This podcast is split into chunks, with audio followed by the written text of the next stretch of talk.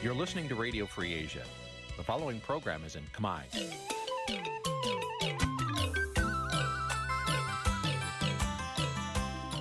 នេះជាកម្មវិធីផ្សាយ Vuthu Azizi Serai នេះជាកម្មវិធីផ្សាយរបស់ Vuthu Azizi Serai ជាភាសាខ្មែរ Vuthu Azizi Serai សូមស្វាគមន៍លោកអ្នកនាងទាំងអស់ពីរដ្ឋធានី Washington នៃសហរដ្ឋអាមេរិក ផ្សាយផ្ទាល់ពីរដ្ឋធានី Washington ខ្ញុំបាទជួនច័ន្ទបុតស៊ូមជម្រាបសួរលោកអ្នកនាងកញ្ញានិងប្រិយមិត្តទាំងអស់ជាទីមេត្រី បាទយើងខ្ញុំសូមជូនកម្មវិធីផ្សាយសម្រាប់រាត្រីថ្ងៃសុក្រ600ខែមិញឆ្នាំថោះបញ្ញស័កពុទ្ធសករាជ2567ដែលត្រូវនៅថ្ងៃទី1ខែមីនាគ្រិស្តសករាជ2024បាទជាដំបូងនេះសូមអញ្ជើញលោកអ្នកនាងស្ដាប់ព័ត៌មានប្រចាំថ្ងៃដែលមានមេតិការដូចតទៅ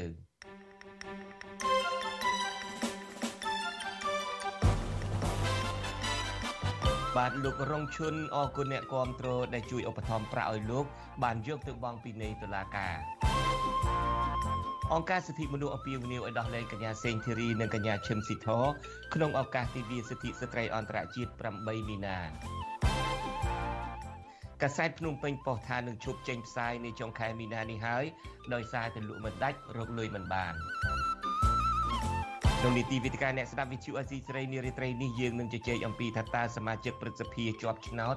មកពីគណៈបកប្រឆាំងនឹងធ្វើអ្វីបានខ្លះគណៈស្ថាប័នកម្ពុជានេះនឹងត្រូវគ្រប់គ្រងដោយផ្ទាល់ពីអតីតនាយករដ្ឋមន្ត្រីហ៊ុនសែនរួមនឹងព័ត៌មានមួយចំនួនទៀត បាទជាបន្តទៅទៀតនេះខ្ញុំបាទជួនច័ន្ទបុតស៊ូមជូនព័ត៌មានទាំងនេះពឺស្ដាបាទលោកនាងកញ្ញាជាទីមិត្តរីលោករងជុននឹងថ្នាក់ដឹកនាំគណៈបកកម្លាំងជាតិបានទៅបង់ប្រាក់ពិន័យចំនួន2លានរៀលឬប្រមាណ500ដុល្លារសហរដ្ឋអាមេរិកនៅសាលាដំបងរាជធានីភ្នំពេញរួចរាល់ហើយ នៅថ្ងៃទី1ខែមីនានេះមន្ត្រីសង្គមស៊ីវិលលើកឡើងថាការបន្តធ្វើទុកបុកម្នេញទៅលើលោករងឈុនឆ្លុះបញ្ចាំងថាសេរីភាពបញ្ចេញមតិនៅកម្ពុជា នៅតែរងការរឹតបន្តឹង បាទលោកហ៊ុំចម្រើនមានសេចក្តីរាយការណ៍អំពីរឿងនេះពីរដ្ឋធានី Washington ទីប្រឹក្សាគណៈបកកម្លាំងជាតិលោករងឈុនបានដើរទៅបង់ប្រាក់ពិន័យ2លានរៀលនៅសាលាដំបងរាជធានីភ្នំពេញនៅថ្ងៃទី1ខែមីនាដោយចាប់ផ្ដើមធ្វើដំណើរចេញពីកន្លែងចតឡាន នៅខាងត្បូងច្រកសាលាដំបងរាជធានីភ្នំពេញប្រមាណ200ម៉ែត្រអមដំណើរដោយថ្នាក់ដឹកនាំគណៈបកកម្លាំងជាតិនិងអ្នកគាំទ្រលោកប្រមាណ40នាក់និងមានមន្ត្រីអង្គការសង្គមស៊ីវិលមួយចំនួនតាមខ្លមើផងនោះ ក៏មានប្រជាពលរដ្ឋមួយចំនួន បានឆ្លៀតឱកាសបរិច្ចាគប្រាក់ដាក់ក្នុងឡាំងក្រដាសដើម្បីជួយបង់ថ្លៃពិន័យទៅតុលាការផងដែរថ្លែងដោយទឹកមុខស្វាហាប់លោករងឈុនប្រាប់វិទ្យុអាស៊ីសេរីនៅថ្ងៃទី1ខែមីនាថាលោកថ្លែងអំណរគុណដល់ប្រជាពលរដ្ឋដែលបានបរិច្ចាគប្រាក់គ្រប់គ្រាន់បង់ពិន័យទៅសាលាដំបងរាជធានីភ្នំពេញលោកបន្តថាតាមរយៈការបរិច្ចាគប្រាក់របស់ប្រជាពលរដ្ឋគ្រប់ទិសទីនេះបញ្ជាក់ឲ្យឃើញថា បើទោះបីជារងការគំរាមកំហែងយ៉ាងណាក្តីតែប្រជាពលរដ្ឋជាច្រើននៅតែគាំទ្រលោកអ្នកលើកកម្ពស់អ្នកការពារសិទ្ធិមនុស្សនិងលើកកម្ពស់លទ្ធិប្រជាធិបតេយ្យបើសិនជាយើងអ្នកនយោបាយមិនមានភាពស្មោះត្រង់ទៅនឹងដៃគូលទ្ធផលវានឹងត្រូវបានទទួលការកថាថ្កោលទោសពីជាតិនិងអន្តរជាតិហើយ លើសពីនឹងតទៅទៀតជនរួមជាតិខ្មែរយើងនឹងទទួលរងគ្រោះក៏ដូចជាជាតិតាមរយៈដែលគេមិនសប្បាយចិត្តគេអាចដក EBA បង្ក GSP មិនបន្តឲ្យកម្ពុជាយើងហើយអ្នកដែលទទួលរងគ្រោះគឺប្រជាពលរដ្ឋខ្មែរនឹងឯងលិខិតបង្គាប់របស់សាលាដំបងរាជធានីភ្នំពេញ ដែលចុះហត្ថលេខារបស់ព្រះរាជអាជ្ញារង លោកឆាយកំហុងចុះកាលពីថ្ងៃទី18ខែកុម្ភៈបានបង្គាប់ឲ្យលោករងឈុនបង់ប្រាក់ពិន័យចំនួន2លានរៀលក្នុងសំណុំរឿងញុះញង់ឲ្យប្រព្រឹត្តអំពើឲ្យមានភាពបឹកបោធ្ងន់ធ្ងរដល់សន្តិសុខសង្គមពាក់ព័ន្ធនឹងសេចក្តីថ្លែងការណ៍និងសកម្មភាពរបស់លោកដែលចុះទៅពិនិត្យនៅតំបន់ព្រំដែនដែលប្រជាពលរដ្ឋអះអាងថាវៀតណាមរំលោភយកដីស្រែចម្ការរបស់ពួកគាត់នៅខេត្តត្បូងឃ្មុំកាលពីឆ្នាំ2020 សាលាដំបងរាជធានីភ្នំពេញបានផ្ដន្ទាទោសលោករងឈុនឲ្យជាប់ពន្ធនាគារ2ឆ្នាំប៉ុន្តែសាឡាវតូបានបន្ធូរបន្ថយទោសជាប់ពន្ធនាគារមកនៅត្រឹមរយៈពេល15ខែ11ថ្ងៃនៃទោសជាប់ពន្ធនាគារសរុប24ខែហើយទោសនៅសល់ត្រូវបានព្យួរនិងពិន័យជាប្រាក់2លានរៀលវិទ្យុ អាស៊ីសេរីមិនអាចតាក់ទងប្រធានអង្គភិបអ្នកនាំពាក្យរដ្ឋាភិបាលលោកប៉ែនបូណានិងអ្នកនាំពាក្យសាលាដំបងរាជធានីភ្នំពេញដើម្បីបកស្រាយបន្ថែមជុំវិញបញ្ហានេះបានទេនៅថ្ងៃទី1ខែមីនាជុំវិញរឿងនេះនាយកប្រតិបត្តិសម្ព័ន្ធដៃគូដើម្បីអភិវឌ្ឍតាមបែបលទ្ធិប្រជាធិបតេយ្យលោកសុនពេជ្រមានប្រសាសន៍ថាដោយសារតែលោករងឈុនមានកេរ្តិ៍ឈ្មោះល្បីល្បាញនិងជាអ្នកនយោបាយដែលមានទួនាទីខ្ពស់ផងនោះដូច្នោះការធ្វើទុកបុកម្នេញទាំងឡាយចំពោះលោករងឈុន ក៏អាចធ្វើឲ្យប៉ះពាល់ដល់សេរីភាពបញ្ចេញមតិរបស់ប្រជាពលរដ្ឋទូទៅផងដែរលោកបន្តថាដើម្បីលើកកម្ពស់ការអភិវឌ្ឍតាមបែបលទ្ធិប្រជាធិបតេយ្យរដ្ឋាភិបាលគួរតែបើកលំហសេរីភាពបញ្ចេញមតិជាជាងគម្រាមកំហែងដល់អ្នកដែលហ៊ានរិះគន់ចំណុចខ្វះខាតរបស់រដ្ឋាភិបាលការរដ្ឋបတ်សេរីភាពនិងការបញ្ចេញមតិឬក៏ការលើកឡើងនៅមតិយោបល់នានានេះវាអាចប៉ះពាល់ទៅដល់ផ្ទាល់ជាមួយនឹង ការផ្ដល់សេវារបស់មន្ត្រីសាធារណៈទៅពលរដ្ឋហើយទី2ក៏វាអាចនឹងផលជះជាអវិជ្ជមានមួយផ្នែកទៅនឹងការងារសេដ្ឋកិច្ចផងដែរព្រោះសេដ្ឋកិច្ចយើងដឹងទាំងអស់គ្នាថាវាជាការចូលរួមចំណែកមិនមែនពីតែមន្ត្រីសាធារណៈទេក៏វាមានការចូលរួមចំណែកពីជាពលរដ្ឋដែរក្រៅពីតុលាការបង្កប់ឲ្យបង់ប្រាក់ពីនៃនេះកាលពីពេលថ្មីថ្មីនេះគួជបក៏បានដាក់បំរាមមិនឲ្យលោកចូលរួមយុទ្ធនាការឃោសនាបោះឆ្នោតព្រឹទ្ធសភារបស់គណៈបកកម្លាំងជាតិដែរបន្ថែមពីនេះ ក្រសួងមហាផ្ទៃក៏ធ្លាប់ប្រមានរំលាយគណៈបកនយោបាយណាដែលទទួលលោករងឈុនចូលរួមជីវភាពនយោបាយដោយក្រសួងអះអាងថាលោកមិនទាន់មាននីតិសម្បទាគ្រប់គ្រាន់ដើម្បីធ្វើនយោបាយឡើងវិញនោះទេលោករងឈុនលើកឡើងថាការយាយីសិទ្ធិធ្វើនយោបាយមកលើរូបលោកតាមគ្រប់រូបភាពបែបនេះគឺបង្ហាញថាអ្នកនយោបាយមួយចំនួននៅតែមិនហ៊ានប្រកួតប្រជែងនយោបាយដោយស្មារភាពជាមួយលោកនោះទេខ្ញុំបាទហុំចម្រើនវិទ្យុ អាស៊ីសេរីពីរដ្ឋធានី Washington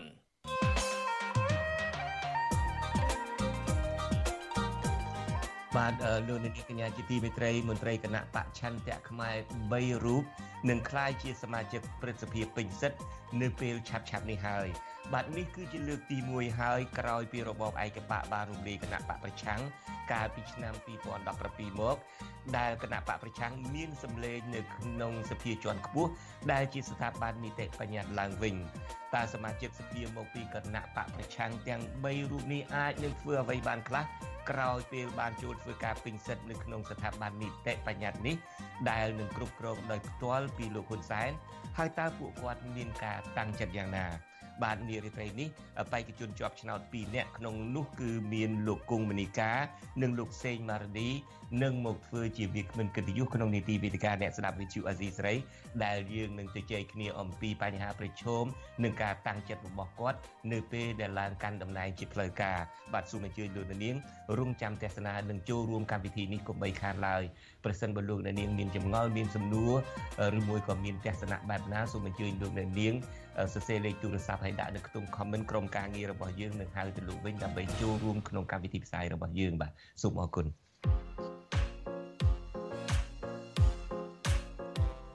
បាទយើងទៅពីអ្នកនេះថ្ងៃនេះនឹងយើងមានវាគ្មិនកិត្តិយសមួយម្នាក់ទៀតហើយដែលជាសកម្មជនបរិស្ថាននៅខេត្តសៀមរាបតែម្ដងគឺកញ្ញាជីជីលោកអ្នកនាងធ្លាប់ស្គាល់កញ្ញាជីជីហើយឡើងជាមួយយើងម្ដងពីរដងឬហើយជម្រាបសួរជីជីពីរដ្ឋធានី Washington ពូជំរាបសួរជីជីបាទបាទជីជីសុខសប្បាយជាទេប្រហែលថ្ងៃនេះខាតបាយគ្នាយូរហើយអឺសុខទេពូមើលតែភ្នែកដឹងអីយំនឹងយំរឿងអីមានបញ្ហាអីយំឡើងហើភ្នែកយំលឺសូតាពូស្លាប់លើ Facebook ហ្នឹងមែនឃើញគេផ្សាយរឿងពូហើយណាអ ភ័យទៅអីគេថាខ្មោចឲ្យព្រលឹងហ្នឹង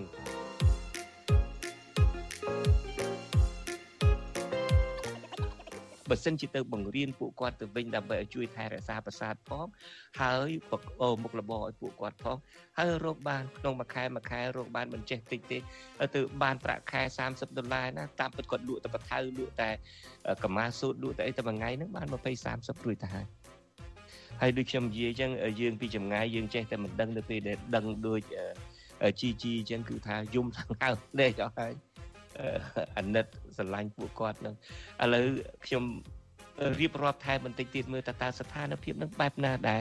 ការសន្យាតាំងពីនាយករដ្ឋមន្ត្រីឪរហូតដល់នាយករដ្ឋមន្ត្រីកូននឹងបានត្រឹម30ដុល្លារហ្នឹងទេឬមួយក៏ជាការបដោះអាសន្នទេទីបំផុតទៅក៏មាន ទ្រាំតិចសិនទៅទីបំផុតទៅមានផ្សារទៅមានទីតាំងត្រឹមត្រូវមានសាលារៀនទៅមានផ្ទះធំទំនុំខ្ពស់អីគេដែរទៅ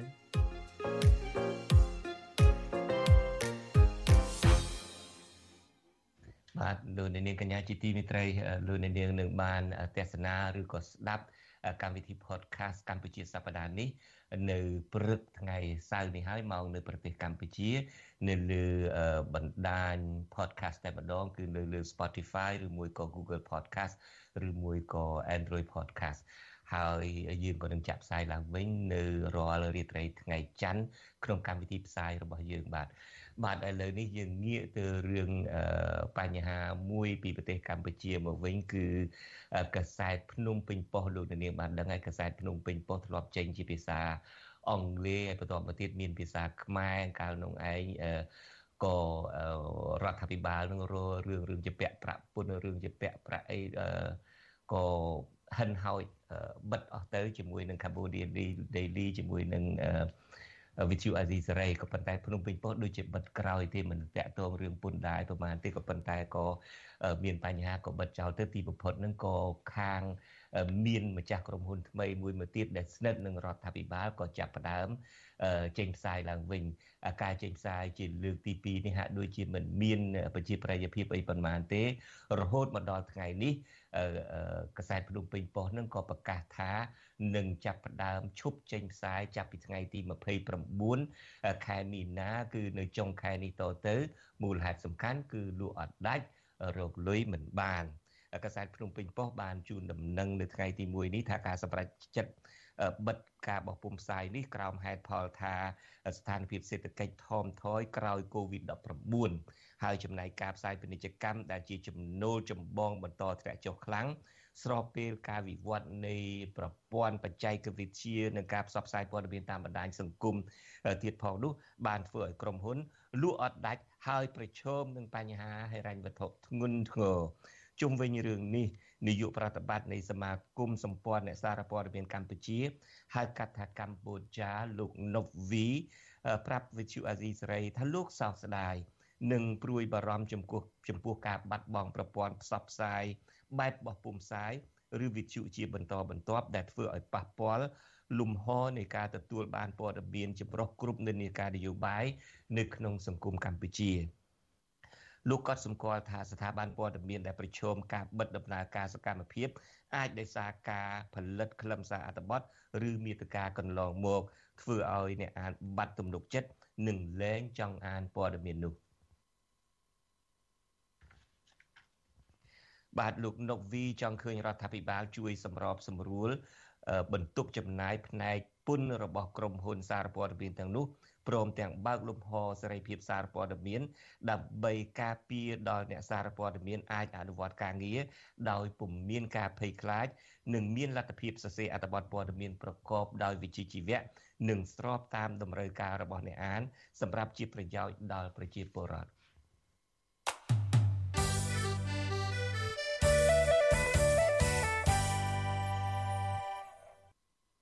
បាទលោកនាងកញ្ញាជាទីមេត្រី នៅមុនការប្រារព្ធទិវាស្ត្រីអន្តរជាតិ8មីនានេះមជ្ឈមណ្ឌលសិទ្ធិមនុស្សកម្ពុជាហៅកាត់ថា CCHR អំពាវនាវឲ្យតុលាការដោះលែងនិងទម្លាក់បទចោទប្រឆាំងលើកញ្ញាសេងធីរីនិងកញ្ញាឈឹមស៊ីធគណៈក្រុមអង្គការសង្គមស៊ីវិលចំនួន20ស្ថាប័នក៏គ្រងប្រារព្ធទិវានារីអន្តរជាតិខួបលើកទី113ក្រោមប្រធានបទ ធានាសិទ្ធិសេរីភាពស្ត្រីនិងក្មេងស្រីដើម្បីស្ថិរភាពសេដ្ឋកិច្ចនិងយុត្តិធម៌សង្គមបាទកញ្ញាខណ្ឌលក្ខណាមានសេចក្តីរាយការណ៍អំពីរឿងនេះជូនលោកនាងមជ្ឈមណ្ឌលសិទ្ធិមនុស្សកម្ពុជាហៅកាត់ថា CCHR ទទូចឲ្យរដ្ឋាភិបាល បញ្ចប់រាល់ទម្រង់នៃការយាយីលើស្ត្រីតស៊ូមតិសង្គមជាពិសេសលើអ្នកមានសម្លេងមិនស្របនឹងរដ្ឋាភិបាល សេចក្តីថ្លែងការណ៍របស់មជ្ឈមណ្ឌលសិទ្ធិមនុស្សកម្ពុជាចុះថ្ងៃទី29កុម្ភៈឲ្យដឹងថា CCHR នឹងបង្ហាញពីសកម្មភាពនៃការចូលរួមរបស់ស្ត្រីកម្ពុជា នៅក្នុងសង្គមស៊ីវិលនិងការងារប្រកបដោយឆន្ទៈដ៏មោះមុតរបស់អ្នកការពារសិទ្ធិមនុស្សជាស្ត្រីព្រមទាំងលើកឡើងនៅបរិយាកាសប្រឈមលើអ្នកការពារសិទ្ធិមនុស្សជាស្ត្រីដើម្បីអបអរទិវានារីអន្តរជាតិឆ្នាំនេះ CCHR បង្កើតនៅសកម្មភាពមួយចំនួន ដូចជាការចេញផ្សាយវីដេអូនិយាយពីបញ្ហារបស់អ្នកការពារសិទ្ធិមនុស្សកញ្ញាសេងធីរីនិងកញ្ញាឈឹមស៊ីធការរៀបចំផ្សាយកម្មវិធីវិទ្យុក្រោមប្រធានបទអតិពលស្ត្រីនិងការបង្ហោះសារផ្ដល់កម្លាំងចិត្តរបស់អ្នកការពារសិទ្ធិមនុស្សនិងអ្នកសារព័ត៌មានជាស្ត្រី ជាក់ស្ដែងនៅថ្ងៃទី1មីនាមជ្ឈមណ្ឌលសិទ្ធិមនុស្សកម្ពុជា បានបង្ហោះវីដេអូឃ្លីបជាង2នាទីនៅលើ Facebook ដោយបង្ហាញនៅរឿងរ៉ាវរបស់អ្នកការពារសិទ្ធិមនុស្សជាស្ត្រីគឺកញ្ញាសេងធីរីដែលត្រូវជាប់ពន្ធនាគារដោយសារសកម្មភាពសិទ្ធិមនុស្ស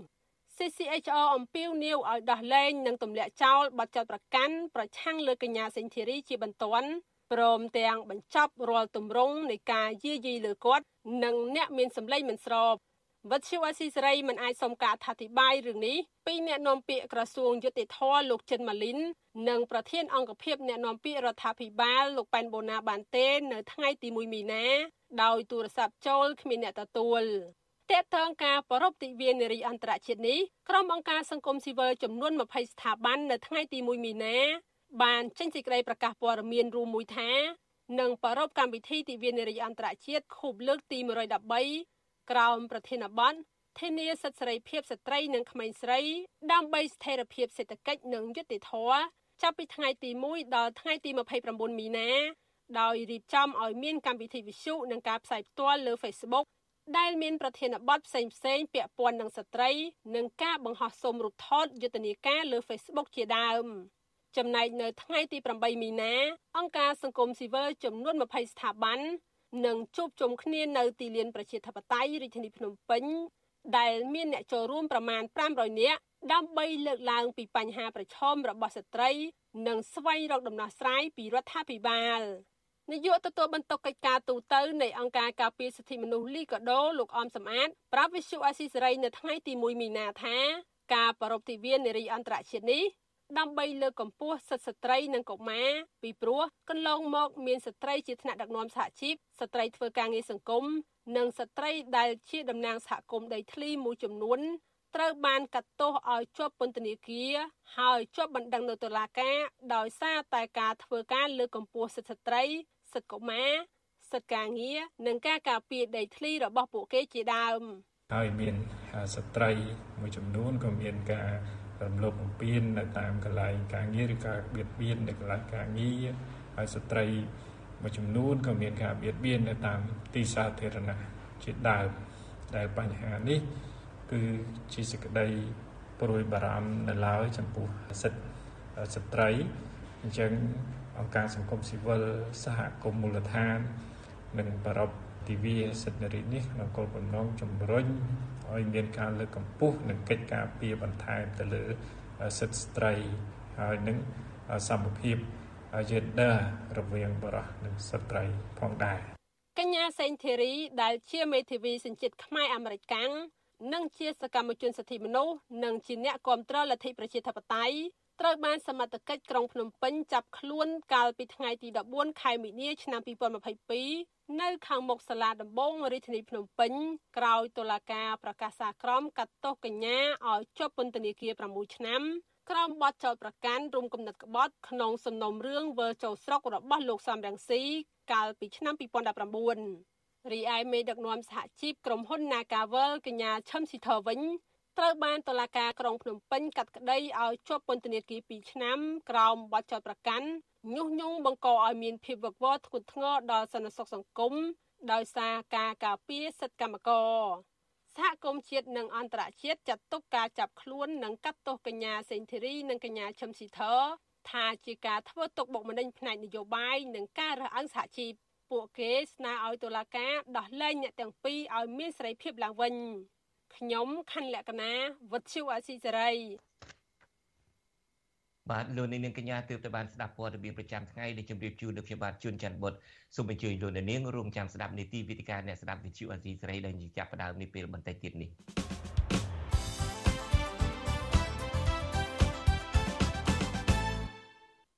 បាទជាបន្តទៅទៀតនេះគឺជានីតិវិទ្យាអ្នកស្ដាប់វិទ្យុអាស៊ីសេរី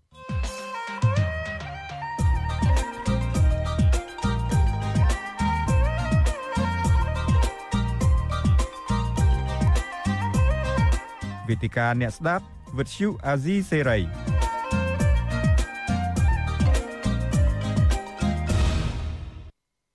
បាទលោកនាងកញ្ញាជាទីមេត្រីខ្ញុំបាទជួនចាត់បុតសូមជម្រាបសួរនិងសូមស្វាគមន៍លោកនាងក្នុងកម្មវិធីនីតិវិទ្យាអ្នកស្ដាប់វិទ្យុអាស៊ីសេរីដោយលោកនាងបានជ្រាបហើយការបោះឆ្នោតព្រឹទ្ធសភាទើបនៅបានបញ្ចប់ទៅកាលពីថ្ងៃទី25កុម្ភៈនេះហើយលទ្ធផលនៃការបោះឆ្នោតនេះបង្ហាញថានឹងមាន សមាជិកព្រឹទ្ធសភា3រូបទើបនឹងជាប់ឆ្នោតពីខាងគណៈបកប្រឆាំងគឺពីខាងគណៈបច្ឆន្ទៈខ្មែរហើយអ្នកដែលជាប់ឆ្នោតទាំង3រូបនោះគឺមានលោកសេងម៉ារឌីមានលោកគង់មនីកាហើយនឹងមានលោកសុកហាជ នៅក្នុងនីតិវេទិកាអ្នកស្ដាប់វិទ្យុអាស៊ីសេរីនេះឱកាសនេះយើងមានកិត្តិយសដោយបានជួបជាមួយនឹងសមាជិកព្រឹទ្ធសភាជាប់ឆ្នោត2រូបក្នុងចំណោម3រូបគឺលោកសេងម៉ារឌីនិងលោកគង់មនីកាខ្ញុំបាទឃើញលោកទាំងពីរហើយខ្ញុំបាទសូមជម្រាបសួរបាទជម្រាបសួរលោកបាទសូមជម្រាបសួរបាទពួកយើងមានកិត្តិយសណាស់ដែលបាន ពិភាក្សាជាមួយលោកហើយលោកអ្នកស្ដាប់ក៏នឹងបានឃើញមុខលោកអ្នកខ្លះអាចឃើញជាលើកទី1ថាតើសមាជិកព្រឹទ្ធសភាគណៈបកប្រឆាំងនឹងមុខមាត់យ៉ាងណាពីព្រោះហាក់ដូចជាភ្លេចបាត់ហើយតាំងពីឆ្នាំ2017មកមិនដែលឃើញមានខាងគណៈបកប្រឆាំងឯណានៅក្នុងសភាឬមួយក្នុងសភាជាន់ខ្ពស់នេះទេបាទមុននឹងចាប់ផ្ដើមកិច្ចពិភាក្សានេះខ្ញុំបាទក៏សូមអបអរសាទរចំពោះការជាប់ឆ្នោតរបស់ឯកឧត្តមទាំងពីររូបបាទ អាដាមតើមានអារម្មណ៍បែបណាដែរនៅពេលដែលជាប់ឆ្នោតជាពិសេសលោកគង់មនីកាហាក់ដូចជាមិនធ្លាប់ហក់ចូលនយោបាយអីជាប់ឆ្នោតទេបើសិនជាខ្ញុំមិនច្រឡំទេមានតែបងបងរបស់លោកទេដែលធ្លាប់ធ្វើជាសមាជិកសភាមិននេះចឹងលោកឬមួយក៏ខ្ញុំមិនចាំច្បាស់ទេបាទបាទជាបឋមសូមគោរពជំរាបសួរលោកជុនច័ន្ទបតក៏ដូចប្រិយមិត្តអាស៊ីសេរីទាំងអស់ ហើយសូមគោរពលោកសេម៉ាឌីផងដែរថ្ងៃនេះពិតជាមានកិត្តិយសមែនតែនបានមកចូលរួមក្នុងវេទិកាអ្នកស្ដាប់អាស៊ីសេរីជាមួយលោកជុនច័ន្ទវត្តហើយជាការពិតហើយខ្ញុំជាកូនប្រុសម្នាក់នៅក្នុងចំណោមកូនប្រុស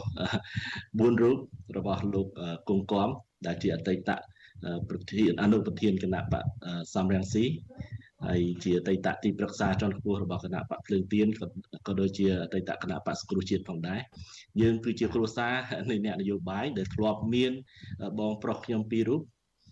ធ្លាប់ជាប់ជាតំណាងរាស្ត្រកាលពីឆ្នាំ2013កន្លងទៅ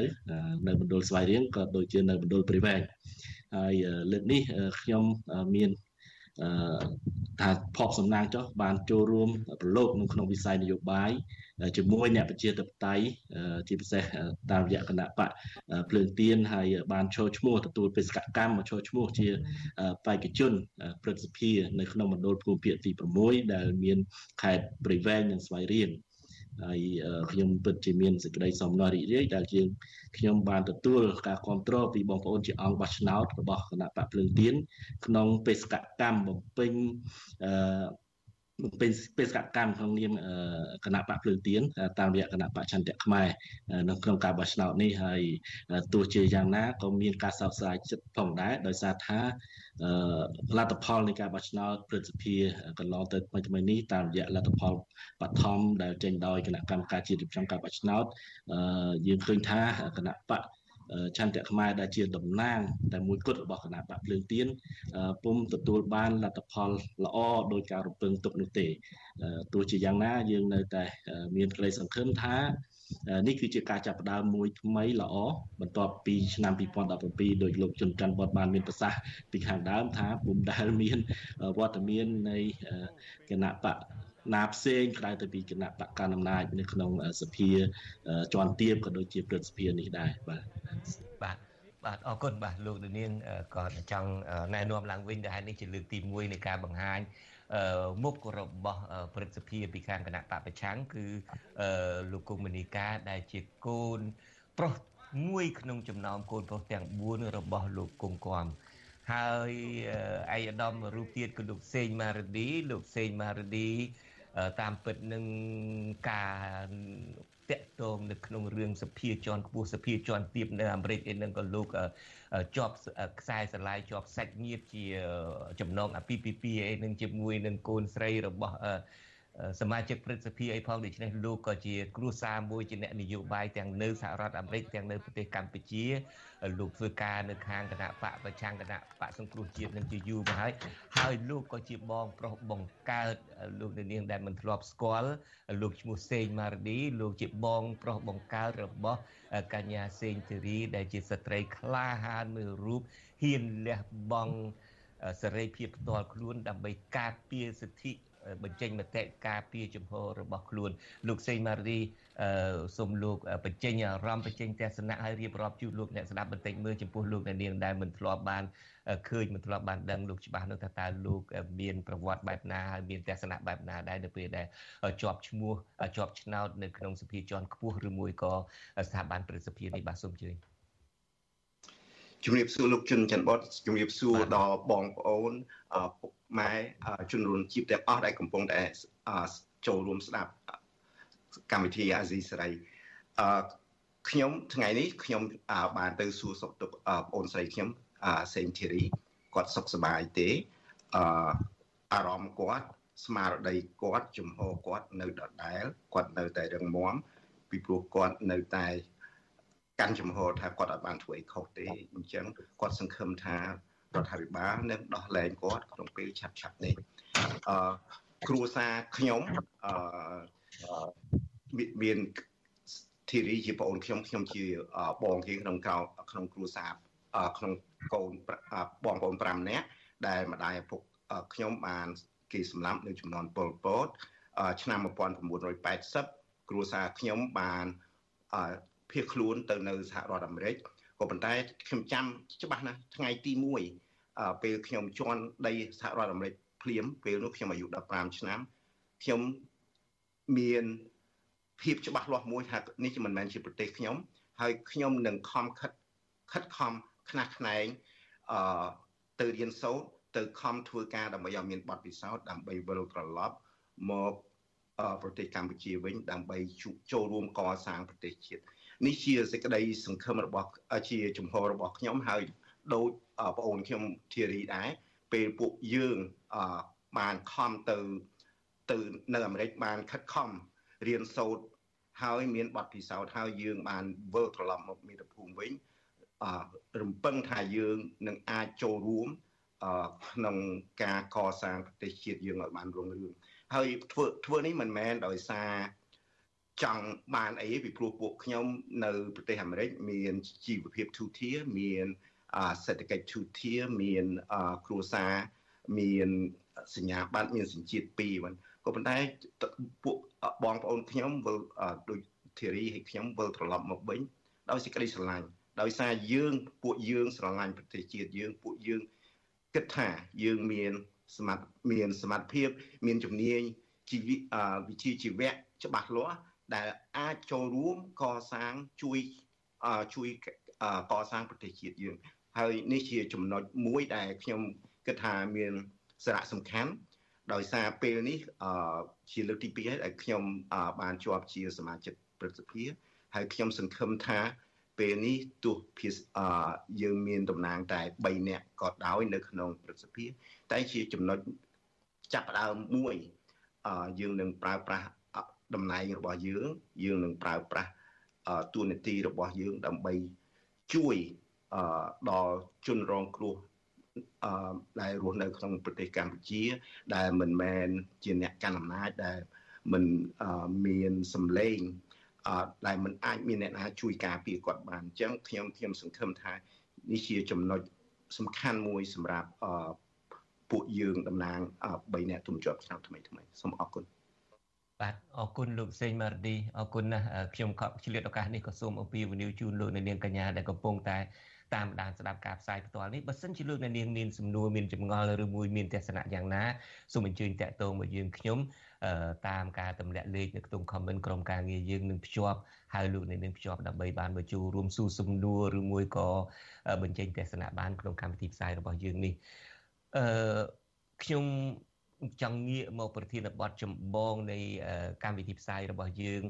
នីតិវិទ្យាអ្នកស្ដាប់នេះវិញយើងបានដាក់ជាសំណួរថាតើអឺសមាជិកសព្រឹទ្ធសភាជាប់ឆ្នោតថ្មីពីខាងគណៈបកប្រឆាំងទាំង3រូបនេះជាពិសេសឯកឧត្តមដែលមកចូលរួមទាំងពីររូបនេះអាចនឹងធ្វើអ្វីបានខ្លះនៅពេលដែល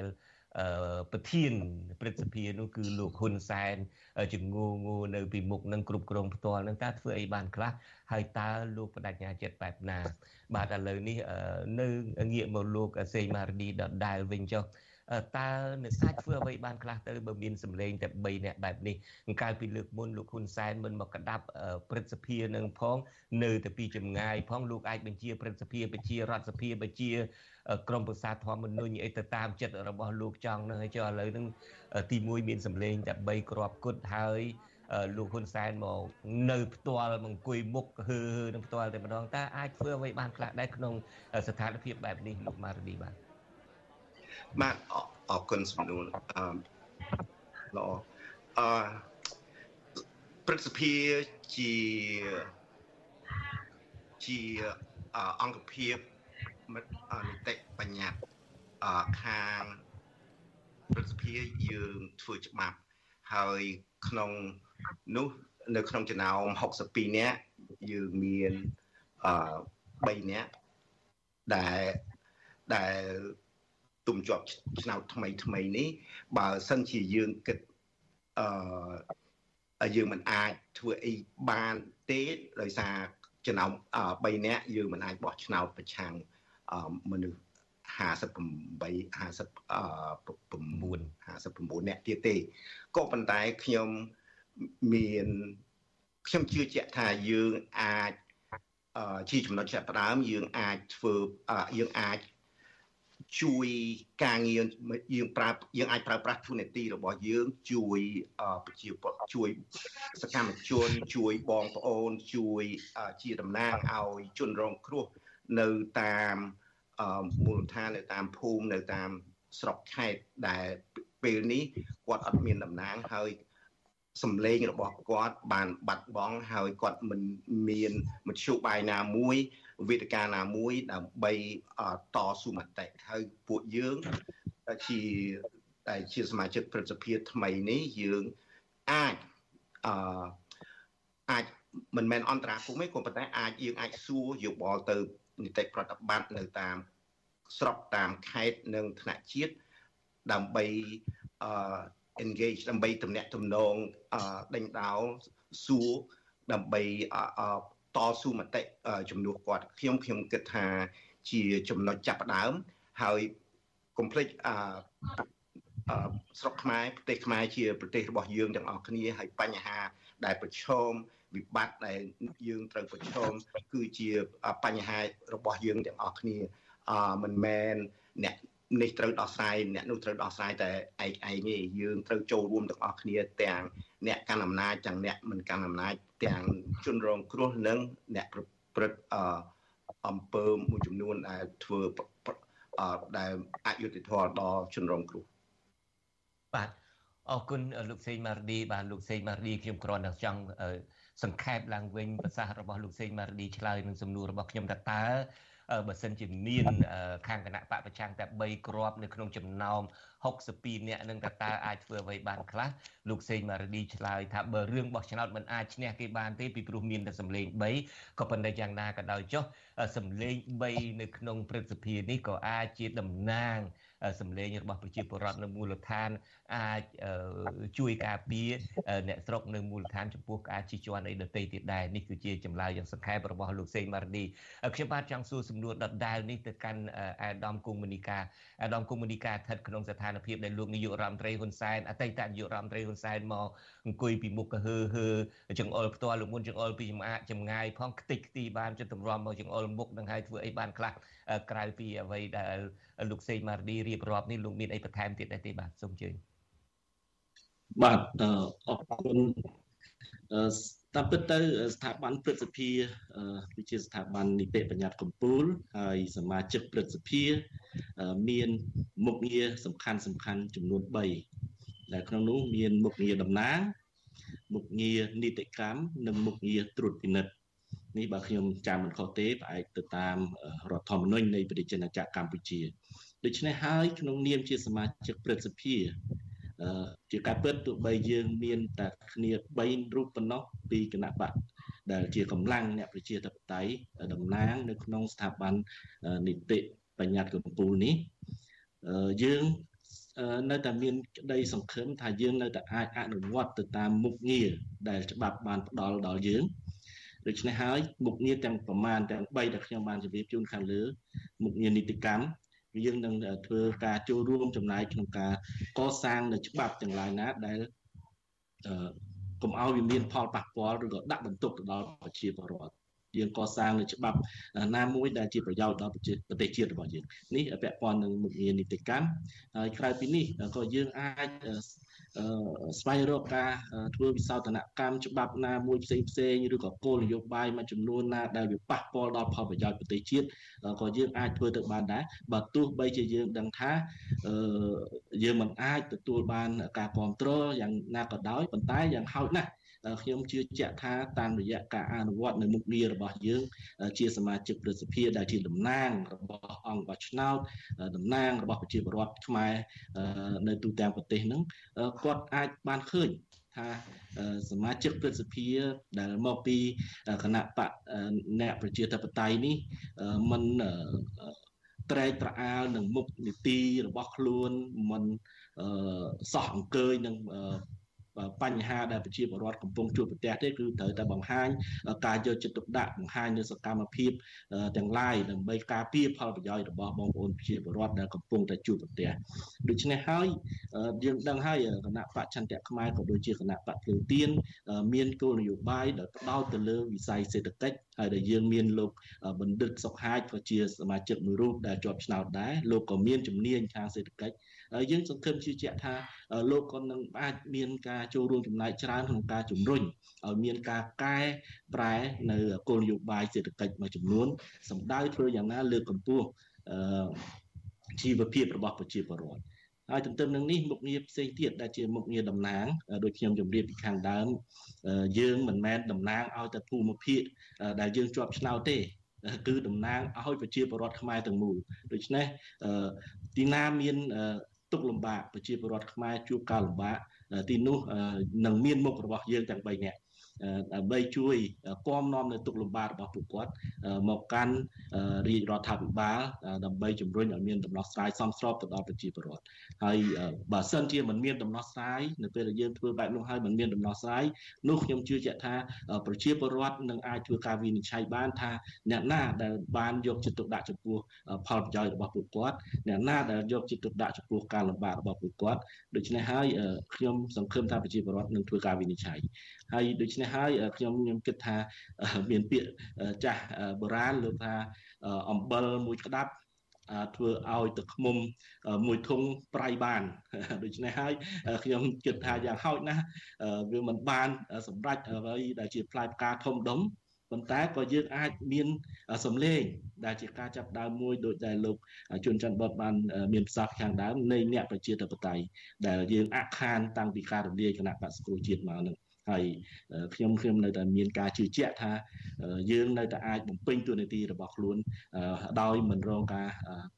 មិនខ្លាចការបំផិតបំភ័យឬក៏ការគម្រាមកំហែងណាមួយកើតឡើងចំពោះយើងបាទបាទអរគុណអាដាមគង់មនីកាសំណួររបស់ខ្ញុំបន្តទៀតនេះរៀងផ្ទាល់ខ្លួនបន្តិចខ្ញុំពិបាកសម័យបើសិនជាខ្ញុំវិញមិនដឹងថាសម័យបែបណាទេ ស្លៀកសពុតចងក្បិនចូលទៅក្នុងស្ថាប័នព្រឹទ្ធសភាមួយ នៅខាងឆ្វេងដៃនេះរបស់អង្គុយជាប់ខ្ញុំនេះគឺអុកញ៉ារតពុនឬមួយក៏សមាជិកទីបំផុតសមាជិកព្រឹទ្ធសភាដែលធ្លាប់ជាអុកញ៉ារតពុននៅខាងស្ដាំដៃនេះគឺអុកញ៉ាកាប់ព្រៃឈើឬមួយក៏ព្រឹទ្ធសភាមានអតីតភាពជាអ្នកឬមួយក៏កំពុងតែកាប់ព្រៃឈើ នៅពីក្រោយខ្ញុំនេះគឺជាអុកញ៉ាដដើមដីឃ្លីរបស់ប្រជាពលរដ្ឋឥឡូវមកជាប់ជាតំណាងស្អីណាព្រឹទ្ធសភាអង្គុយនៅពីលើអាសនៈជាប្រធាននេះគឺជាជនផ្ដាច់ការមួយរូបដែលធ្លាប់ធ្វើបាបឪពុករបស់លោកឈឺចាប់បកកឆាត់ការឈឺចាប់រឹបអូសយកទ្រព្យសម្បត្តិរឹបអូសយកដីធ្លី ហើយគឺនឹងអង្គុយពីមុខលោកដែលជាប្រធានស្ថាប័នព្រឹទ្ធសភាកហឺហឺហ្នឹងក៏ជាអ្នកញុះញង់ឲ្យមានអំពើហិង្សាពីស្រុកតារាំងមកដើម្បីឲ្យគេទាញបងប្រុសរបស់លោកហ្នឹងនៅមុខរដ្ឋសភាមកវាយឈាមដាបពេញដីរងការឈឺចាប់ហើយទីបំផុតទៅឯអាដាមបែកបាត់បងប្អូនបាត់បង់ទ្រព្យសម្បត្តិ ឪពុកនឹងឈឺចាប់នៅពេលដែលមានអាយុច្រើនជាងផងបងប្រុសនឹងក៏បែកបាក់ហើយរងការឈឺចាប់ពេញណាពេញនេះតើឯអាដាមរៀបរឹកបែបណាទៅនៅពេលដែលដើរចូលទៅដូចខ្ញុំរៀបរាប់បែបហ្នឹងចឹងនៅពេលនៅក្នុងស្ថាប័នព្រឹទ្ធសភានេះខ្ញុំយល់ថាអ្វីដែលខ្ញុំដើរចូលទៅក្នុងស្ថាប័នព្រឹទ្ធសភាគឺជាក្នុងនាមជាអ្នកតំណាងឲ្យប្រជាពលរដ្ឋខ្មែរមិនមែនតំណាងឲ្យគ្រួសារខ្ញុំ នោះទេដូច្នេះហើយខ្ញុំទប់បញ្ហាដែលកើតឡើងជាហូហែទាំងមកលើគ្រួសារខ្ញុំគឺថាពិតជាមានការឈឺចាប់ប៉ុន្តែខ្ញុំជឿជាក់ថាបងប្អូនប្រជាពលរដ្ឋខ្មែរជាច្រើនទៀតនៅទូទាំងប្រទេសកម្ពុជា រងការឈឺចាប់រងការធ្វើទុកបុកម្នេញខ្លាំងក្លាជាងពួកខ្ញុំទៅតទៅទៀត ដូច្នេះហើយអ្វីដែលខ្ញុំចង់បំពេញទូនាទីរបស់ខ្ញុំក្នុងនាមជាសមាជិកព្រឹទ្ធសភាជាប់ឆ្នោតគឺដើម្បីបំរើដើម្បីបង្ការពារកុំឲ្យបញ្ហាទាំងឡាយដែលកើតមានមកលើគ្រួសារខ្ញុំក៏ដូចលើប្រជាពលរដ្ឋមួយចំនួនហ្នឹងបន្តកើតមានទៅលើប្រជាពលរដ្ឋដែលមិនស្លូតត្រង់ផ្សេងទៀតដែលដែលស្លូតត្រង់ផ្សេងទៀតដែលមិនមិនបានដឹងពីបញ្ហាអីផ្សេងផ្សេងហ្នឹងរងគ្រោះដោយសារបញ្ហា អយុត្តិធម៌នៅក្នុងសង្គមកម្ពុជាដូច្នេះតួនាទីរបស់ខ្ញុំគឺខ្ញុំត្រូវតែធ្វើការថ្លឹងថ្លែងអំពីទូនីតិក្នុងនាមជាតំណាងរបស់ប្រជាពលរដ្ឋហើយនឹងទូនីតិរបស់ខ្លួនក្នុងនាមជាជនរងគ្រោះមួយរូបនៅក្នុងបញ្ហានយោបាយដែលកើតមានឡើងនេះដូច្នេះហើយខ្ញុំខ្ញុំខ្ញុំនៅតែមានគឺការជឿជាក់ថាដរាបណាខ្ញុំអនុវត្តនៅ អឺគេថាទូនីតិឬក៏មុខងារស្របតាមច្បាប់រដ្ឋធម្មនុញ្ញស្របតាមច្បាប់ដែលមានជាធរមានហើយបាន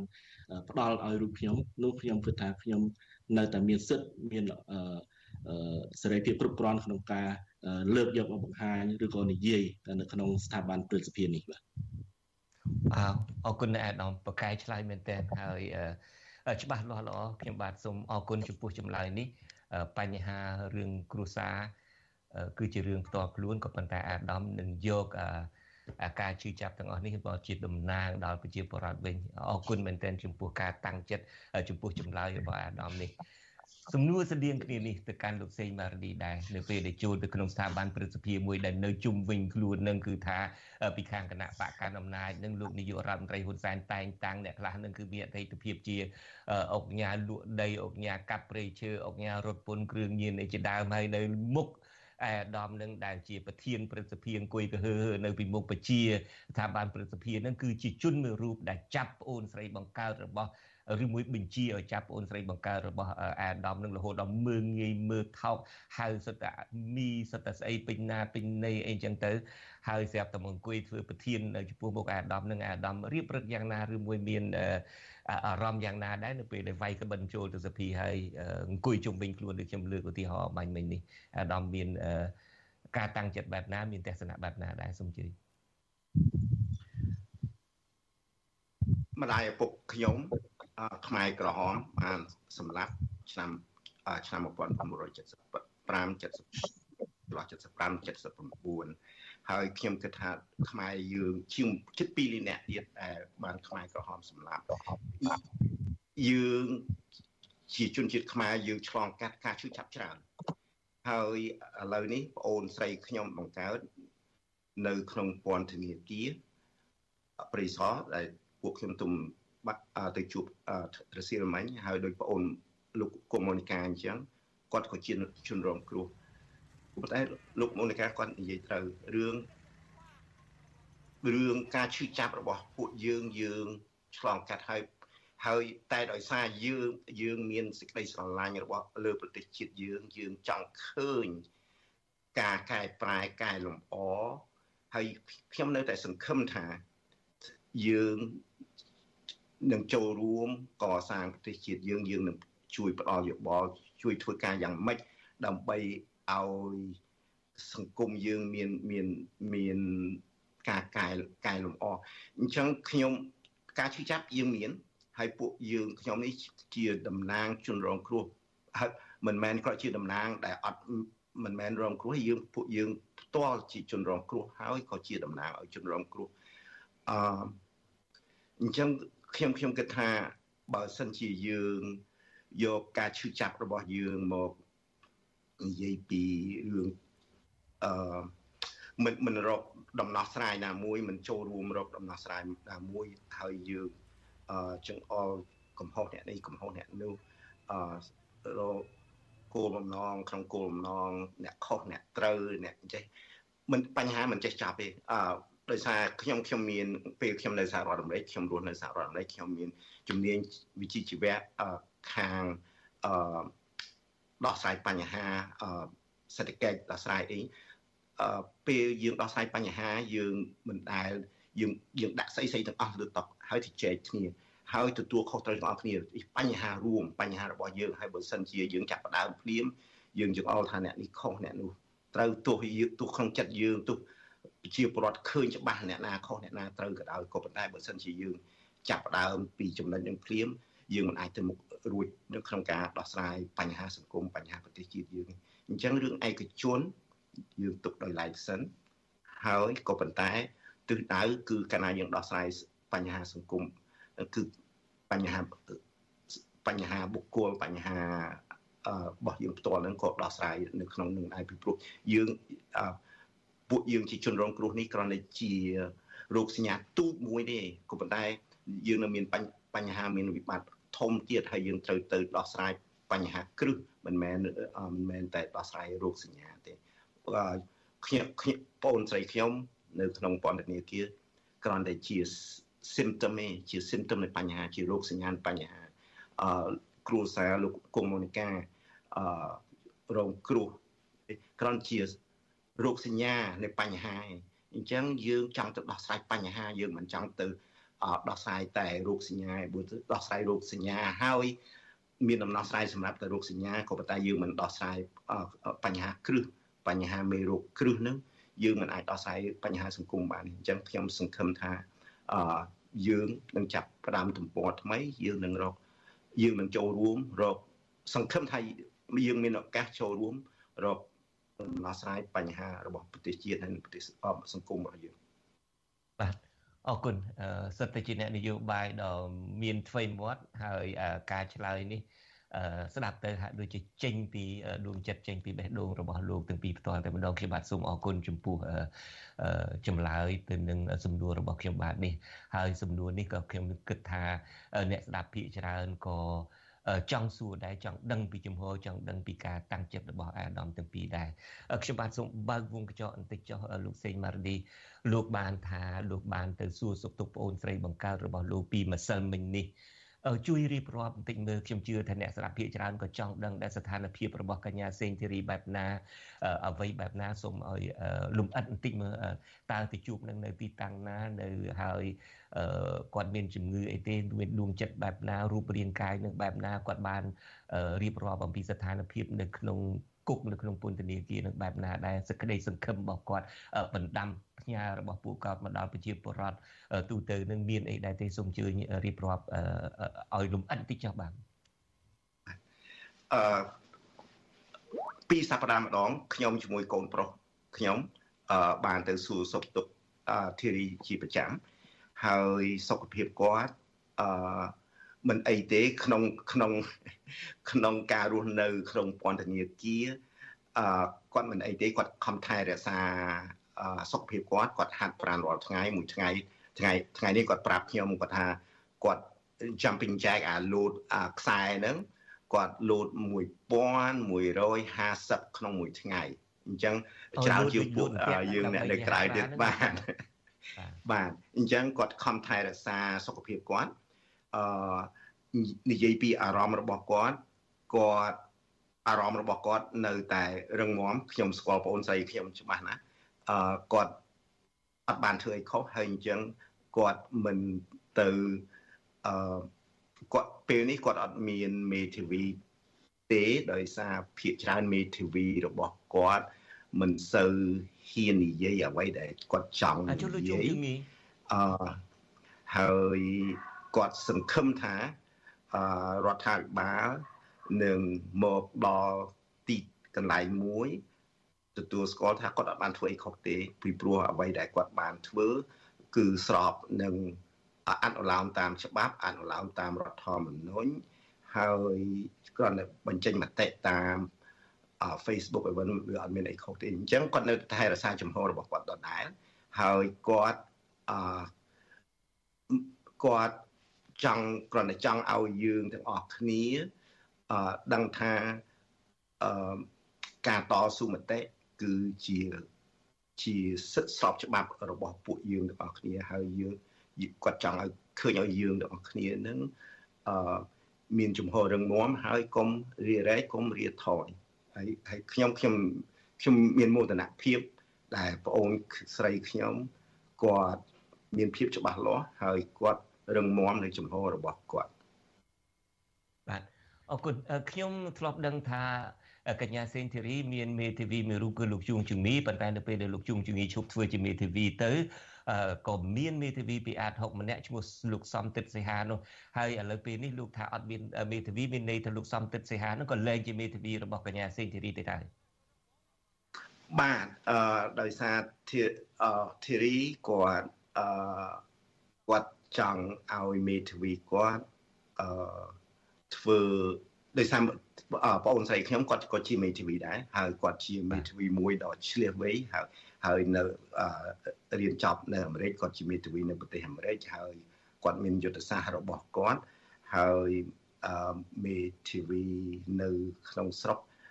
มันអាចធ្វើអ្វីដែលតាមយុទ្ធសាស្ត្រ legal strategy របស់ Thierry ដល់អញ្ចឹងទៅគាត់ចង់ធ្វើជាតំណាង ជាមេធាវីសម្រាប់ខ្លួនឯងអញ្ចឹងគាត់នឹងព្យាយាមអឺជាតំណាង ជាមេធាវីសម្រាប់ខ្លួនឯងជាមួយតើរដ្ឋាភិបាលព្រមឬមិនព្រមអានឹងយើងអត់ទាន់ដឹងបាទអរគុណចំពោះការបកស្រាយនេះហើយជាពិសេសដំណឹងចេញពីពន្ធនាគារនៅពេលដែលលោកបានទៅជួបផ្ទាល់ពីសប្តាហ៍ម្ដងនេះបាទសូមអរគុណលោកសេងម៉ារឌី ខ្ញុំបាទចង់ងាកមកលោកគង់មនីកាវិញម្ដង សំណួរនេះបកទៅអតីតកាលបន្តិចលោកគង់មនីកានៅពេលដែលលោកជាប់មិនជាប់ឆ្នោតកាលពីបោះឆ្នោតអាណត្តិមុន ក្នុងនាមជាប្រធានគណៈបកមួយរូបនោះលោកបានទៅចូលរួមជាសមាជិកក្រុមប្រឹក្សាស្អីគេគេហៅក្រុមប្រឹក្សាពីគ្រោះនឹងផ្ដាល់យោបល់អីនោះ ធ្វើការជាមួយនឹងលោកនាយករដ្ឋមន្ត្រីហ៊ុនសែននោះការនឹងហើយដែលធ្វើឲ្យមានការបន្ទុកចិត្តដល់លោកខ្លះលោកអាចរៀបរាប់លោកអាចបញ្ជាក់បានទេហេតុអីពេលនោះក៏សម្រេចចិត្តទៅចូលរួមលោកដឹងហើយស្អីគេសមាជិកឧត្តមក្រុមប្រឹក្សាពីគ្រោះនៅប្រោយយោបល់នឹងគ្រាន់តែ បំពេញមុខឲ្យលោកហ៊ុនសែនថាអ្នកមាននៃគណៈបកដតីទៀតមកចូលរួមប៉ុណ្ណឹងទេគឺគ្រាន់តែចូលរួមទៅលំអទេតើលោកស្ដាយក្រោយទេការនឹងដែលចូលរួមទៅជា សមាជិកក្រុមប្រឹក្សាស្អីឧត្តមក្រុមប្រឹក្សាពីគ្រោះនៅប្រោយយោបល់ដែលធ្វើឲ្យប្រឡាក់ប្រលុះបន្តិចបន្តួចដល់អតីតភាពរបស់អាដាមកុងមនីកានោះបាទបាទអរគុណណាស់សម្រាប់សំណួរនេះហើយខ្ញុំមិនសូវដែលបានមានឱកាសបកស្រាយអំពីបញ្ហានេះទេប៉ុន្តែខ្ញុំយល់ថាអឺឧត្តមក្រមប្រឹក្សាពិគ្រោះនឹងផ្ដល់យោបល់ដែលបង្កើតឡើងនៅឆ្នាំ2018គឺគ្រាន់តែជាយន្តការក្រៅរដ្ឋាភិបាល យន្តការក្រៅសភា ដែលអនុញ្ញាតឲ្យគណៈបកនយោបាយមួយចំនួន អាចចូលរួមផ្ដល់មតិយោបល់ទៅលើគោលនយោបាយឬក៏បញ្ហាផ្សេងផ្សេងដែលជួបប្រទះនៅក្នុងសង្គមកម្ពុជាចឹងហើយវាមិនសូវជាខុសគ្នាអំពីវប្បធម៌សន្តានារវាងគណៈបកប្រជាជនកម្ពុជានិងគណៈបកសង្គ្រោះជាតិទេគឺយើងត្រូវការជជែកគ្នា បាទត្រូវការការពិភាក្សាគ្នាដូច្នេះហើយក្នុងបរិបទមួយដ៏តឹងតែងរដ្ឋបတ်ខ្ញុំយល់ថាការចូលរួមនៅក្នុងឧត្តមក្រុមសាពីគ្រោះនៅប្រតិបត្តិនឹងអនុញ្ញាតឲ្យខ្ញុំបានសម្ដែងមតិរបស់ខ្ញុំនៅក្នុងឧត្តមក្រុមសាពីគ្រោះប្រតិបត្តិហើយខ្ញុំឃើញថាចំណុចខ្លះក៏មានការយកចិត្តទុកដាក់ ពពីរដ្ឋាភិបាលដែរឧទាហរណ៍ដូចជាវត្តបាក់ណាមនៅក្នុងខេត្តកណ្ដាលជាដើមខ្ញុំបានទៅដល់ទីនោះមានប្រជាពលរដ្ឋវៀតណាមនៅក្នុងបរិវេណវត្តពីគ្រួសារយើងបានស្នើឲ្យរដ្ឋាភិបាលធ្វើការអន្តរាគមន៍ដោះស្រាយយកក្រុមគ្រួសារពីនោះចេញពីបរិវេណវត្តហើយកំណត់បរិវេណវត្តបាក់ណាមឲ្យបានច្បាស់លាស់ព្រោះវត្តបាក់ណាមគឺជា ទីតាំងមួយប្រវត្តិសាស្ត្រក្នុងការការពារនៅបរណភាពទឹកដីរបស់កម្ពុជាដែរហើយទាំងអស់នេះហើយក៏កើតចេញពីការបញ្ចេញមតិឬក៏ចូលរួមចំណាយក្នុងការផ្ដល់យោបល់តាមរយៈឧត្តមក្រុមប្រឹក្សាពិគ្រោះនិងផ្ដល់យោបល់ក្នុងដែរហើយអ្វីដែលខ្ញុំចង់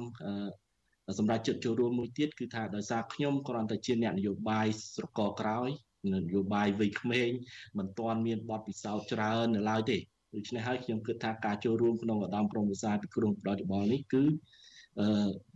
នឹងផ្ដល់ឱកាសឲ្យខ្ញុំស្វែងរកនៅចំណេះដឹងឬបទពិសោធន៍បន្ថែមទៀតពាក់ព័ន្ធទៅនឹងការដឹកនាំប្រទេសការដឹកនាំរដ្ឋហើយថាចោះក៏ចង់ដឹងដែរថាតើស្ថាប័នរដ្ឋាភិបាលក្រសួងមន្ទីរផ្សេងផ្សេងដែលយើងបានជួបតាមរយៈកិច្ចប្រជុំឧត្តមក្រុមសារព្រោះប្រយោបល់ហ្នឹងតើពួកគាត់កំពុងតែធ្វើអ្វី ហើយការអនុវត្តនៅគោលនយោបាយផ្សេងផ្សេងរបស់រដ្ឋាភិបាលហ្នឹងបានត្រឹមត្រូវកម្រិតកម្រិតណាប្រសិទ្ធភាពកម្រិតណាដូច្នេះហើយទាំងអស់នេះគឺជាជាឱកាសសម្រាប់ខ្ញុំដែលខ្ញុំគិតថាជាការរៀនសូត្រផងហើយជាឱកាសក្នុងការសម្ដែងមតិផងហើយអ្វីដែលខ្ញុំគិតសំខាន់បំផុតនោះខ្ញុំយល់ថាគ្មានការងារណាដែលវាថោកទាបទេបាទមានតែមនុស្សទេដែលវាថោកទាបបានន័យថាប្រសិនបើយើងទៅចូលរួម ហើយយើងលក់ឧត្តមគតិរបស់យើងលើលក់មនសិការរបស់យើងនោះទៅជារឿងមួយដែលមិនត្រឹមត្រូវប៉ុន្តែបើសិនជាយើងនៅតែរក្សានៅឧត្តមគតិមនសិការរបស់យើងគឺខ្ញុំគិតថាខ្ញុំមិនមានការសោកស្ដាយទេហើយខ្ញុំបានចូលរួមចំណែកក្នុងការជួយផ្ដល់យោបល់ដល់រដ្ឋាភិបាលខ្លះដែរហើយទន្ទឹមនឹងនេះបន្ទាប់ពីមានការដំណើរការឡើងវិញនៃគណៈបកភ្លើងទៀន ខ្ញុំបានសម្រេចមកចូលរួមជាមួយគណៈបកភ្លើងទៀនដោយអត់រៀបរែកទេបាទដូច្នេះហើយនេះសបញ្ជាក់ថាឧត្តមគតិរបស់ខ្ញុំនៅតែជាមួយបងប្អូនប្រជាពលរដ្ឋដែលស្នេហាលទ្ធិប្រជាធិបតេយ្យដែលស្រឡាញ់យុត្តិធម៌សង្គមហើយខ្ញុំបានក្រុមគ្រួសារខ្ញុំរងគ្រោះដល់ដំណាក់កាលនេះបងប្អូនមួយចំនួនគាត់តែងតែយក រូបភាពរបស់ខ្ញុំដែលថតជាមួយលោកនាយករដ្ឋមន្ត្រីកាលពីឧត្តមក្រុមប្រឹក្សាពិគ្រោះប្រយោបល់ឬក៏ស្អីហ្នឹងថាជាមនុស្សជាអាយ៉ងរបស់លោកនាយករដ្ឋមន្ត្រីឬគណៈបកប្រជាជនកម្ពុជាហើយនៅតែមានការលៀបពណ៌ មកលើរូបខ្ញុំថាអពំគួរទុកចិត្តពំគួរអីដូច្នេះហើយខ្ញុំអរគុណលោកជុនច័ន្ទបុតដែលបានសួរសំណួរនៅថ្ងៃនេះហើយឲ្យខ្ញុំមានឱកាសបកស្រាយជូនសាធារណជនឲ្យបានយល់ច្បាស់ថាខ្ញុំនៅតែជាមួយអ្នកប្រជាធិបតេយ្យហើយខ្ញុំធ្វើអ្វីអ្វីនៅក្នុងក្របខ័ណ្ឌច្បាប់ក្របខ័ណ្ឌប្រជាធិបតេយ្យដូច្នេះហើយការតស៊ូមតិនៅក្នុងលទ្ធិប្រជាធិបតេយ្យសេរីពហុបក គឺវាទៀមទាឲ្យមានភាពបត់បែនมันអាចធ្វើអ្វីដោយត្រង់ឃ្លូពេកទេនៅពេលខ្លះយើងត្រូវការរៀនសូត្រត្រូវការដកបទពិសោធន៍ហើយយើងត្រូវការរៀបចំនៅយុទ្ធសាស្ត្រនិងយុទ្ធវិធីរបស់យើងសម្ដៅធ្វើយ៉ាងណាជំរុញឲ្យមានលទ្ធិប្រជាធិបតេយ្យសេរីពហុបកនៅកម្ពុជាឡើងវិញតួយ៉ាងជាក់ស្ដែងយើងឃើញហើយថ្ងៃនេះយើងបានឃើញការរួបរวมនៃកម្លាំងអ្នកប្រជាធិបតេយ្យ ហើយដែលមានសម្ព័ន្ធភាពឆ្ពោះទៅអនាគតមានគណៈបក3 4ចូលរួមហើយបន្តនឹងមានគណៈបកជាច្រើនចូលរួមទៀត ខ្ញុំយល់ថានេះគឺជាការរួមចំណែកមួយដ៏សំខាន់ហើយចំពោះខ្ញុំផ្ទាល់ខ្ញុំសប្បាយចិត្តដែលខ្ញុំមិនចូលរួមបំផ្លាញសម្លេងអ្នកប្រជាធិបតេយ្យមិនចូលរួមបំបែកអ្នកប្រជាធិបតេយ្យនៅកម្ពុជាដូច្នេះខ្ញុំគណៈបកភ្លើងទៀនក៏ដោយគណៈបកចន្ទៈខ្មែរក៏ដោយគណៈបកដតីណាទៀតក៏ដោយដែលកំពុងតែតស៊ូដើម្បីប្រជាធិបតេយ្យនៅក្នុងប្រទេសកម្ពុជា គួរតែរួមកម្លាំងគ្នាឡើងវិញលុបបំបាត់នៅការលៀបពណ៌ចោតប្រកាន់គ្នារវាងអ្នកប្រជាធិបតេយ្យយើងយល់យើងឃើញហើយថាការលៀបពណ៌រវាងខ្មែរនិងខ្មែរធ្វើឲ្យខ្មែរធ្លាក់ទៅក្នុងសោកនាដកម្មមួយអស់រយៈពេល22ទសវត្សរ៍កន្លងមកដូច្នេះហើយអ្នកប្រជាធិបតេយ្យគួរតែរៀនសូត្រពីបទពិសោធន៍នេះហើយឈប់ការឈប់លៀបពណ៌គ្នាតទៅទៀតហើយរួមកម្លាំងគ្នាដើម្បីប្រកួតប្រជែងឈានទៅរកការកាន់អំណាចនៅពេលខាងមុខដើម្បីអាចលើកកម្ពស់ជីវភាពប្រជាពលរដ្ឋក៏ដូចជាកសាងនៅលទ្ធិប្រជាធិបតេយ្យសេរីពហុបកពិតប្រាកដនៅកម្ពុជាបាទ បាទយើងបញ្ចប់កិច្ចពិភាក្សារបស់យើងត្រង់ចំណុចនេះចុះយើងរួមដៃគ្នាដើម្បីធ្វើឲ្យប្រទេសយើងមានប្រជាធិបតេយ្យពិតប្រាកដបាទអរគុណអាដាមកុងមនីកាដែលបានបញ្ជាក់ជំហរឆន្ទៈរបស់ក្រុមគ្រួសារតកូលគង់ក្នុងកម្មវិធីផ្សាយរបស់យើងនេះខ្ញុំជឿថាលោកដែលស្ដាប់នឹងក៏បានយល់ច្បាស់ពីជំហររបស់អាដាមគង់មនីកាយល់ច្បាស់អំពីជំហររបស់លោកសេងម៉ារឌីបាទ